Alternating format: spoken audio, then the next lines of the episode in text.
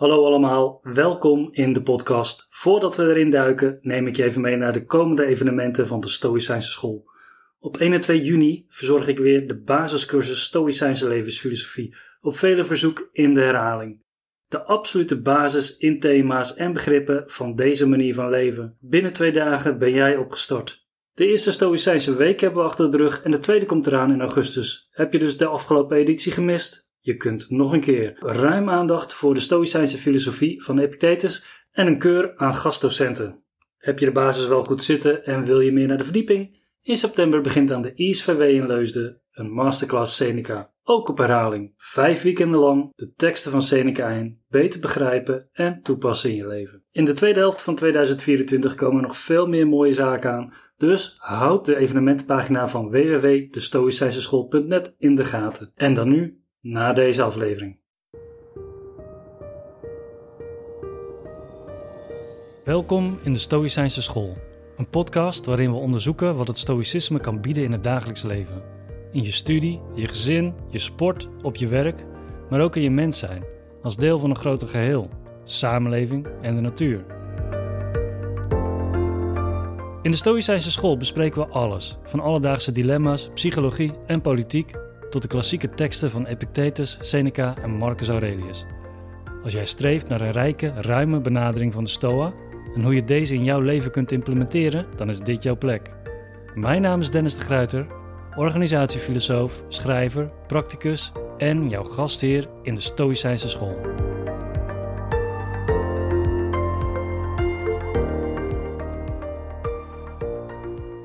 Je hoort hedendaagse Stoïcijnen vaak zeggen dat de Stoa een praktische filosofie is, gericht op de alledaagse situaties en problemen die je tegen kan komen. Er zou dan weinig ruimte zijn voor theoretiseren over hoe de werkelijkheid in elkaar zit. Er wordt geen tijd verspild aan allerlei filosofische bespiegelingen die geen praktisch nut hebben.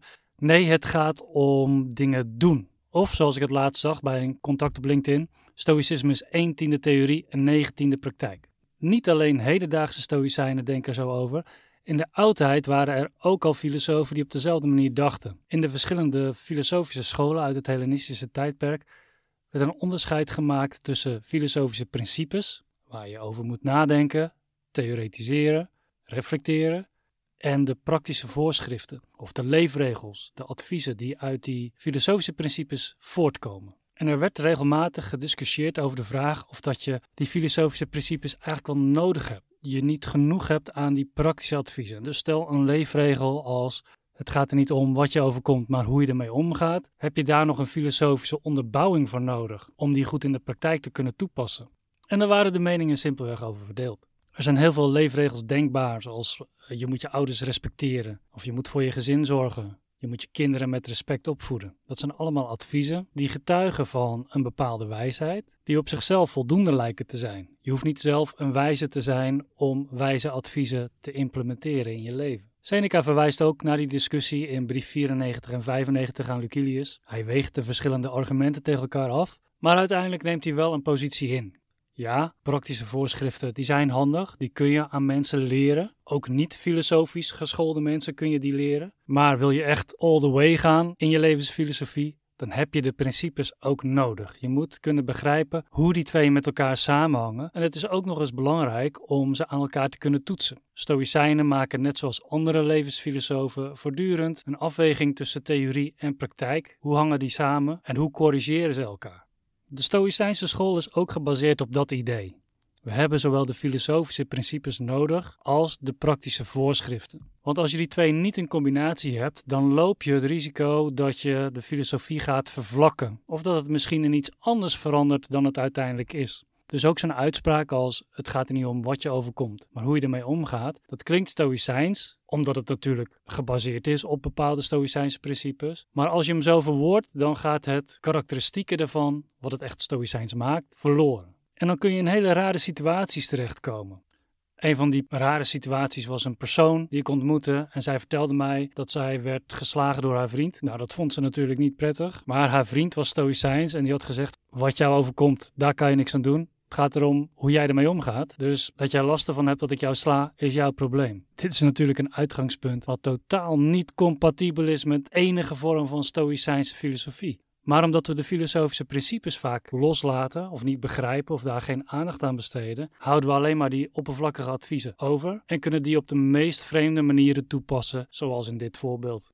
In deze aflevering neem ik je mee naar een van die filosofische principes die ik onvoldoende uitgediept zie in hedendaagse Stoïcijnse literatuur. En dat is het begrip adiaphora, een Grieks concept waarmee de Stoïcijnen verwezen naar alles wat niet binnen onze controle ligt. Dus laten we hem eens even uit gaan pakken en dan wordt hopelijk ook duidelijk waarom ik vind dat dit een belangrijk filosofisch principe is dat we niet moeten loskoppelen van onze dagelijkse praktijk. Om de adiaphora te begrijpen moeten we terug naar de basis van Epictetus' filosofie en dat is er zijn dingen die binnen onze controle liggen en er zijn dingen die buiten onze controle liggen. Wat binnen die cirkel ligt, dat zijn onze deugden, onze karaktereigenschappen, keuzes waar we naar kiezen te streven, wat we kiezen te vermijden, overtuigingen die we hebben, de emoties, de impulsen. Al die zaken zijn 100% aan ons volgens de Stoa en daar zijn we dus ook verantwoordelijk voor. Alles wat er overblijft ligt buiten die cirkel. Dat zijn de zaken waar we geen controle over hebben. En Epictetus geeft als voorbeelden gezondheid, leven en dood, ons lichaam, status, werk. Allemaal zaken die we wel enigszins kunnen beïnvloeden, maar waar we uiteindelijk geen zeggenschap over hebben, geen controle. En die laatste dingen zijn de adiaphora. Een belangrijke vraag in de Stoïcijnse filosofie is altijd geweest: wat is nou de status van die adiaphora? We weten dat we ze niet binnen controle hebben, maar wat voor waarde hechten we eraan? Wat voor betekenis? Hoe moeten we er nou precies mee omgaan? Veel van de filosofische scholen uit die tijd dachten daar ook over na. En sommige waren heel radicaal. Die verwierpen de adiaphora en richtten zich alleen maar op hun eigen innerlijk. De Stoïcijnen stonden daar wat anders in. En dat komt omdat zij vinden dat mensen natuurlijke wezens zijn, natuurlijke dieren, net zoals alle andere organismen om ons heen. En zeggen ze, al die organismen die streven ergens naar, zelfbehoud, en die proberen dingen te vermijden, namelijk de dingen die dat zelfbehoud in gevaar brengen. Neem als voorbeeld een bij, die wil zichzelf in stand houden, maar ook haar korf. En dus gaat zij op zoek naar bloemen, planten die zij kan oogsten voor het behoud van de korf. Een stoïcijn zegt: het is natuurlijk voor een bij om voor de korf te zorgen en dus ook dat werk, dat specifieke werk te doen. Nou, zo geldt dat voor elke levensvorm in de wereld en dus ook voor ons als mens. Wij neigen of verlangen van nature naar bepaalde dingen die ons zelfbehoud veiligstellen. dan hebben we het over onderdak, eten. We zijn sociale dieren, dus ook intimiteit en gezelschap, veiligheid, gezondheid. Nou ja, allemaal dingen die dus tot de adiaphora behoren. Die zaken die nuttig of goed voor ons zijn, zeggen de Stoïcijnen, die zijn verkieslijk. Beetje raar woord, maar het kiezen waard. En al die zaken die daartegen ingaan, onveilige situaties, ziekte, uitsluiting, eenzaamheid, dat zijn de niet verkieselijke adiaphora. Die proberen we te vermijden. Maar dan zijn er ook nog een hoop externe zaken in de wereld die niet nuttig of schadelijk voor ons zijn. En dat zijn de neutrale adiaphora. Je zou kunnen zeggen, nou ja, dingen als planeten of sterren, die zijn er, maar ze hebben niet een directe invloed op ons zelfbehoud of hoe wij in het leven staan. De adiaphora zijn dus verkieselijk of niet verkieselijk, of ze zijn neutraal. Nu maken de Stoïcijnen een nieuwe stap en zeggen ze: die adiaphora die zijn van zichzelf moreel indifferent. Dat betekent dat ze van zichzelf goed nog slecht zijn. Wij zouden tegenwoordig zeggen: gezondheid, dat is goed. Status, dat is goed. Geld, dat is goed. En hun tegendelen zijn allemaal slecht. Maar zeggen de Stoïcijnen, dat is te snel gedacht. Je zou kunnen zeggen dat gezondheid nuttig is voor je, verkieslijk. Geld is nuttig, verkieslijk. Status is verkieslijk. Als ze van zichzelf goed zouden zijn, dan zouden ze ons ook goede mensen maken. Maar we zien heel veel voorbeelden van mensen die gezond zijn, geld hebben, flinke status, maar uiteindelijk geen goede mensen zijn. Toch leven wij voortdurend in een soort van morele verwarring, zegt de Stoa, waarin we echt denken dat die adiaphora die buiten ons liggen, goed voor ons zijn op een manier dat wij daar betere mensen van worden. Epictetus geeft er ook een mooi voorbeeld van in het zakboekje waarin hij een logische redenering opstelt in de trant van ik heb meer geld dan jij, dus ik ben beter dan jij. Maar, zegt Epictetus, dit gaat fout, want er worden twee verschillende dingen met elkaar in verband gebracht die niks met elkaar te maken hebben. Ik heb meer geld dan jij betekent gewoon, sec, ik heb meer geld dan jij. Maar dat maakt je niet tot een beter mens. Dat is wat jij er zelf aan koppelt. Je koppelt een bepaalde morele waarde daaraan. Als dingen van zichzelf goed zouden zijn, dan zouden we zien dat iedereen die ze in bezit heeft ook daadwerkelijk een beter mens wordt of een goed mens is. En dat zien we nu eenmaal niet gebeuren. Hetzelfde geldt voor de adiafora die we niet verkiezelijk vinden. Denk aan ziekte en dood. Die maken mens ook niet per definitie slecht, want we zien heel veel voorbeelden van mensen die sterven of ernstig ziek zijn, die dat op een goede manier dragen. Op een waardige manier of op een moedige manier. Waarmee ze bijvoorbeeld een voorbeeld zijn voor andere mensen en hen inspireren en kracht geven. Dus als het goede en het slechte niet in de dingen buiten ons liggen, waar ligt het dan wel? Voor de Stoa is het antwoord heel eenvoudig. Die liggen in onze keuzes. Epictetus gebruikt daar het Griekse woord proairesis voor, een lastig te vertalen begrip, maar in de Nederlandse editie wordt het vertaald als morele keuze. En dat is helemaal niet zo'n gekke vertaling, want wij kiezen en elke keuze die we maken heeft een morele lading. Laten we weer een eenvoudig voorbeeld pakken. Je krijgt een flinke som geld in je bezit. Je eerste reactie is dan: dat is een goede zaak, dat is goed voor mij, hier ga ik beter van worden. Maar we hebben heel veel voorbeelden van mensen die bijvoorbeeld de loterij winnen of een erfenis krijgen, die vervolgens keuzes maken waardoor ze heel snel van dat geld afkomen. Of ze zeggen hun werk op, of ze kopen een miljoenenjacht en gaan daar het hele jaar op ronddobberen in de Middellandse Zee. En vervolgens depressief worden, soms zelfs suïcidaal. Hun familieleden kwijtraken, hun echte vrienden kwijtraken. Nou, kortom, hoe zij kiezen zich te verhouden tot hun geld bepaalt uiteindelijk of dat geld goed of slecht is voor ze. Ik denk dat dit een uh, common sense voorbeeld is waar iedereen wel mee kan instemmen. Maar nu wordt die moeilijker. Want er zijn maar twee categorieën: dingen die binnen onze controle liggen, ons streven, ons vermijden, overtuigingen, keuzes, impulsen. En de rest ligt allemaal buiten onze controle. Dus zegt de Stoïcijn: als we deze logica accepteren, bijvoorbeeld dat geld ons niet gelukkig maakt, dan geldt dat dus ook voor alle andere dingen die niet binnen onze controle liggen. En dan hebben we het ook over mensen. Onze gezinsleden, onze partners, onze familieleden. Zij behoren allemaal tot de adiaphora. Dingen die moreel indifferent zijn. En dat betekent dus ook dat zij van zichzelf ons niet goed of slecht maken. Nee, de keuzes die wij maken zorgen er vervolgens voor of dat zij goed of slecht zijn voor ons. En dat betekent niet dat, ik noem maar wat, je partner dezelfde status heeft als een zak met geld. De adiaphora die hebben ook nog drie verschillende waarden zou je kunnen zeggen. Er zijn adiaphora die ons plezier geven, denk aan een fles wijn of een goede serie. Er zijn adiaphora die nuttig voor ons zijn, denk aan ons huis, ons bed, ons voedsel. En er zijn adiaphora die betekenis voor ons hebben. En dan gaan we naar de zaken die wij echt belangrijk vinden, zoals onze kinderen, onze geliefden, onze familieleden. En ga zo maar door. Het is goed om op dit moment eens eventjes hierbij stil te staan. Wat doet zo'n bewering nou eigenlijk met je? Bijvoorbeeld dat, ik noem maar wat, je kinderen jou niet goed of slecht maken of niet goed of slecht voor je zijn, maar moreel indifferent. En dat hoe jij ervoor kiest met ze om te gaan bepaalt dat ze goed of slecht worden voor jou. De reacties die ik tegenkom, die vallen vaak uiteen in twee verschillende groepen. De eerste groep vindt het een deprimerend idee. Want je bent niet alleen op natuurlijke, maar ook op emotionele wijze betrokken bij je kinderen of bij je partner. Hoe kun je nou zeggen dat die moreel indifferent zijn?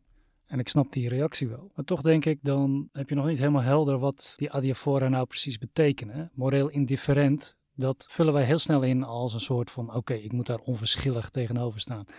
Marcus Aurelius die geeft in een van zijn notities ook aan dat hij onverschillig moet staan tegenover dingen die onverschillig zijn. Maar toch gaan we dan weer te snel in onze moderne interpretatie mee. Want de andere groep mensen die er positief op reageren, die snappen vaak wat beter wat hier aan de hand is. Hoe graag wij ook zouden willen dat de adiaphora binnen onze controle liggen, de realiteit is dat dat gewoon niet zo is. Denk aan je partner, hoe goed je relatie ook is. Er is altijd een mogelijkheid dat hij of zij jou om wat voor reden dan ook zal verlaten. Misschien omdat ze iemand anders is tegengekomen, misschien omdat ze je niet meer aardig vindt en bij je weggaat, misschien verlies je hem of haar door een ziekte of een ongeluk. Dat zijn dingen waar we liever niet over nadenken. We staan optimistisch in het leven, maar, zegt de Stoïcijn, optimisme betekent vaak je ogen sluiten voor de werkelijkheid. Wil je echt goed in het leven staan? Wil je jezelf kunnen ontwikkelen tot een gelukkig persoon? Ja, dan moet je de voorwaarden in het contract dat je hebt gesloten met het leven, die zul je moeten accepteren. En dat betekent niet dat je pessimistisch in het leven hoeft te gaan staan, waarin je voortdurend nadenkt over hoe alles jou afgenomen zal gaan worden, vroeg of laat. Maar je moet wel voorbereid zijn op dat het kan gebeuren.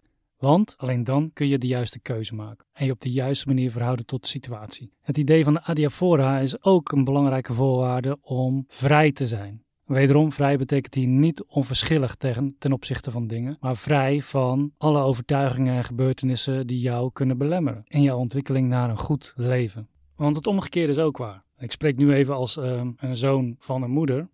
Ik vind het een heerlijk idee dat ik voor mijn moeder behoor tot de adiaphora. Dat zij mij niet onder controle heeft. Dat ik mijn eigen keuzes kan maken en mijn eigen weg kan gaan. Terwijl het voor haar natuurlijk een, een, lastige dobber is, want ik maak keuzes die zij niet zou maken, die zij moeilijk vindt. Maar dit is mijn weg, dit is niet haar weg. Alle klappen die gaan komen, die moet ik opvangen en daar wil ik verantwoordelijkheid voor nemen. Maar als ik nu verwissel van perspectief als vader en ik kijk naar mijn eigen kinderen, dan zou ik die het liefst ook kosten wat kost willen beschermen tegen alles wat er gebeurt in het leven. En je weet dat als je kinderen hebt, dan zit dat iets anders in elkaar dan als je geen kinderen hebt. Als je vader of moeder bent, dan ben je tot dingen in staat om je kinderen te beschermen waar je geen idee van zou hebben als je geen kinderen hebt. En toch zijn mijn kinderen ook adiaphora. Ze vallen niet onder mijn controle. Ik kan ze beïnvloeden in mijn opvoeding, maar ik kan ze niet controleren. Ze zijn niet in mijn macht. Vervelend voor mij, want ik weet dat het een hoop ellende zou besparen als het wel zo was. Maar goed voor hen, want zo kunnen zij door ervaring, schade en schande, fouten maken, zichzelf ontwikkelen naar een beter mens. En dan wordt onverschillig staan tegenover de dingen die onverschillig zijn, opeens iets anders ingevuld. Dan gaat het hier om loslaten, onthechten. En dat betekent niet niet meer van ze houden, of niet meer voor ze zorgen, want, zou een stoïcijn zeggen, het is van nature verkiezelijk dat je zorgt voor je kinderen, dat je van ze houdt. Maar je natuurlijke hechting aan je kinderen is niet hetzelfde als de morele hechting die je met ze hebt. Op het moment dat zij niet binnen jouw controle vallen, zijn ze vrij en verantwoordelijk voor hun eigen leven. En dat is een van de belangrijkste dingen die je kan bereiken. Nou, even helemaal terug naar waar we begonnen. De discussie over de vraag of je filosofische principes en praktische voorschriften moet hebben, of dat de praktische voorschriften alleen genoeg zijn. Ik sta aan de kant van Seneca in deze discussie.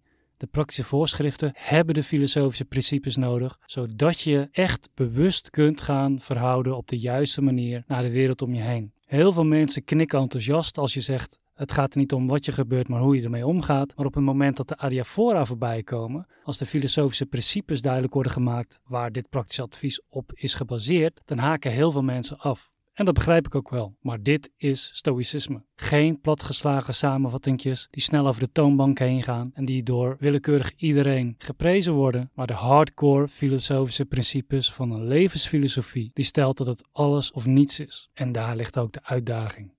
Dat is wat voor mij levensfilosofie, ongeacht welke school het is, oost of west, de moeite waard maakt. Het gaat ergens over. En de gewichten waarmee je traint, die zijn echt zwaar. This shit is for real.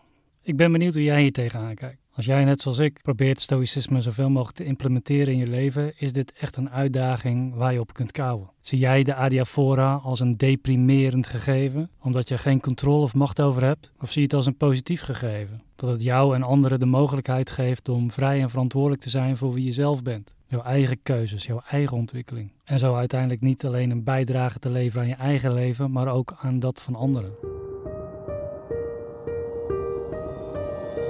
Dankjewel voor het luisteren naar deze aflevering van de Stoïcijnse School. Je kunt ons steunen door een recensie achter te laten bij je favoriete podcastmedium of deze aflevering te delen met iemand die het kan gebruiken. Wil je nog meer Stoa? Word dan een sparringpartner in de Stoïcijnse Arena of check de website van de Stoïcijnse School. De weblinks staan in de beschrijving van deze aflevering. Voor nu, tot de volgende aflevering. Tot onderweg.